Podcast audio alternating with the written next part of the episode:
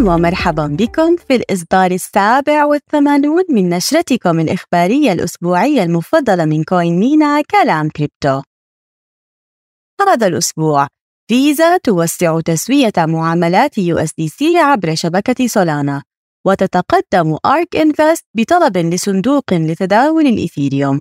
وسيتم تطبيق قوانين القيمة العادلة في سوق العملات الرقمية. كل هذا وأكثر لذلك دعونا نبدأ في نشرة هذا الأسبوع من كلام كريبتو. أخبار عالمية. فيزا توسع خيارات تسوية العملات المستقرة مع USDC عبر شبكة سولانا. ستمكن هذه الشراكة الجديدة فيزا من إرسال مدفوعات USDC على سولانا إلى المشترين التجار. الذين يمكنهم بعد ذلك توجيه مدفوعات سي إلى التجار النهائيين. تم اختيار سولانا نظرا لأدائها العالي وقدرتها على إرسال واستلام العملات المستقرة بأعلى سرعة وأقل التكاليف من السلاسل التنافسية الأخرى. هذا هو الإعلان المتفائل الثالث لسولانا خلال الأسبوعين الماضيين. وذلك بعد اقتراح MakerDAO بالتحول من الإيثيريوم إلى سولانا ودمج سولانا باي مع شوبيفاي إحدى أكبر منصات التجارة الإلكترونية في العالم. مجلس معايير المحاسبة المالية الأمريكي يقوم بتحديث اللوائح المحاسبية الخاصة بالبيتكوين. وافق مجلس معايير المحاسبة المالية الأمريكي على قوانين محاسبية رائدة للشركات التي تحتفظ بالبيتكوين في ميزانيتها العمومية.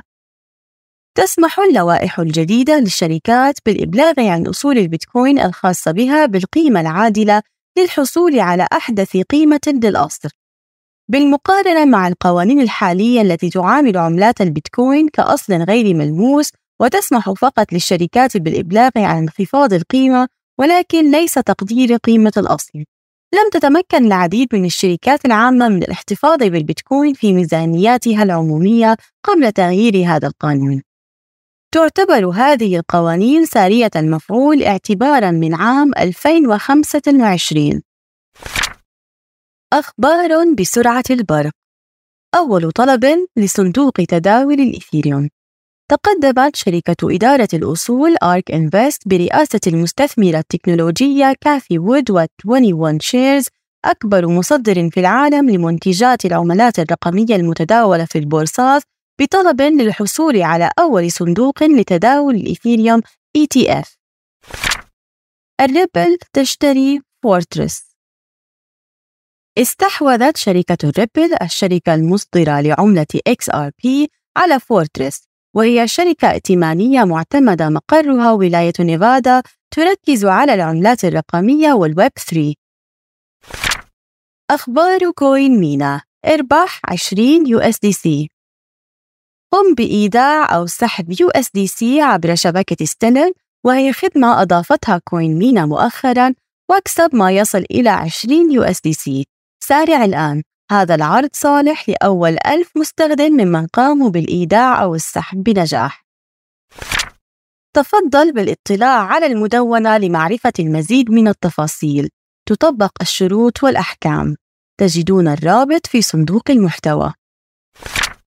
احذر من عمليات التصيد الاحتيالي.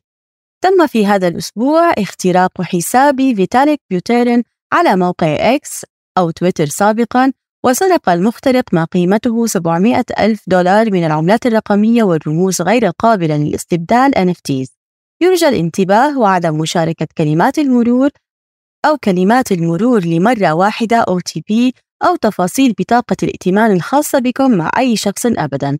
لن تطلب كوين مينا مينك أو أي بنك هذه المعلومات الخاصة على الإطلاق. تفضل بمشاهدة أحدث فيديو لدينا حول هذا الموضوع.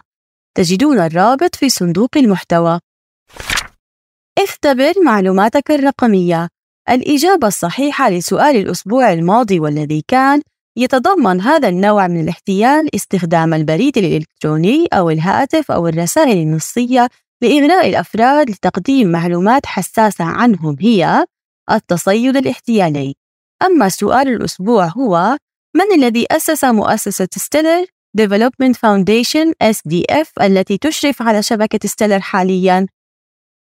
هل هو فيتاليك بيوتيرين أم جيد ماكالب أم روجر فير أم تشارلي لي؟ تجدون الإجابة الصحيحة في النشرة الإخبارية القادمة أو تفضلوا بزيارة موقع جامعة كوين مينا. تجدون الرابط في صندوق المحتوى.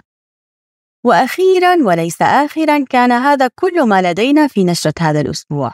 ترقبوا المزيد من المواضيع حول الكريبتو والبيتكوين في نشرة الأسبوع القادم ولا تنسوا مشاركة هذه النشرة مع أصدقائكم وأحبائكم.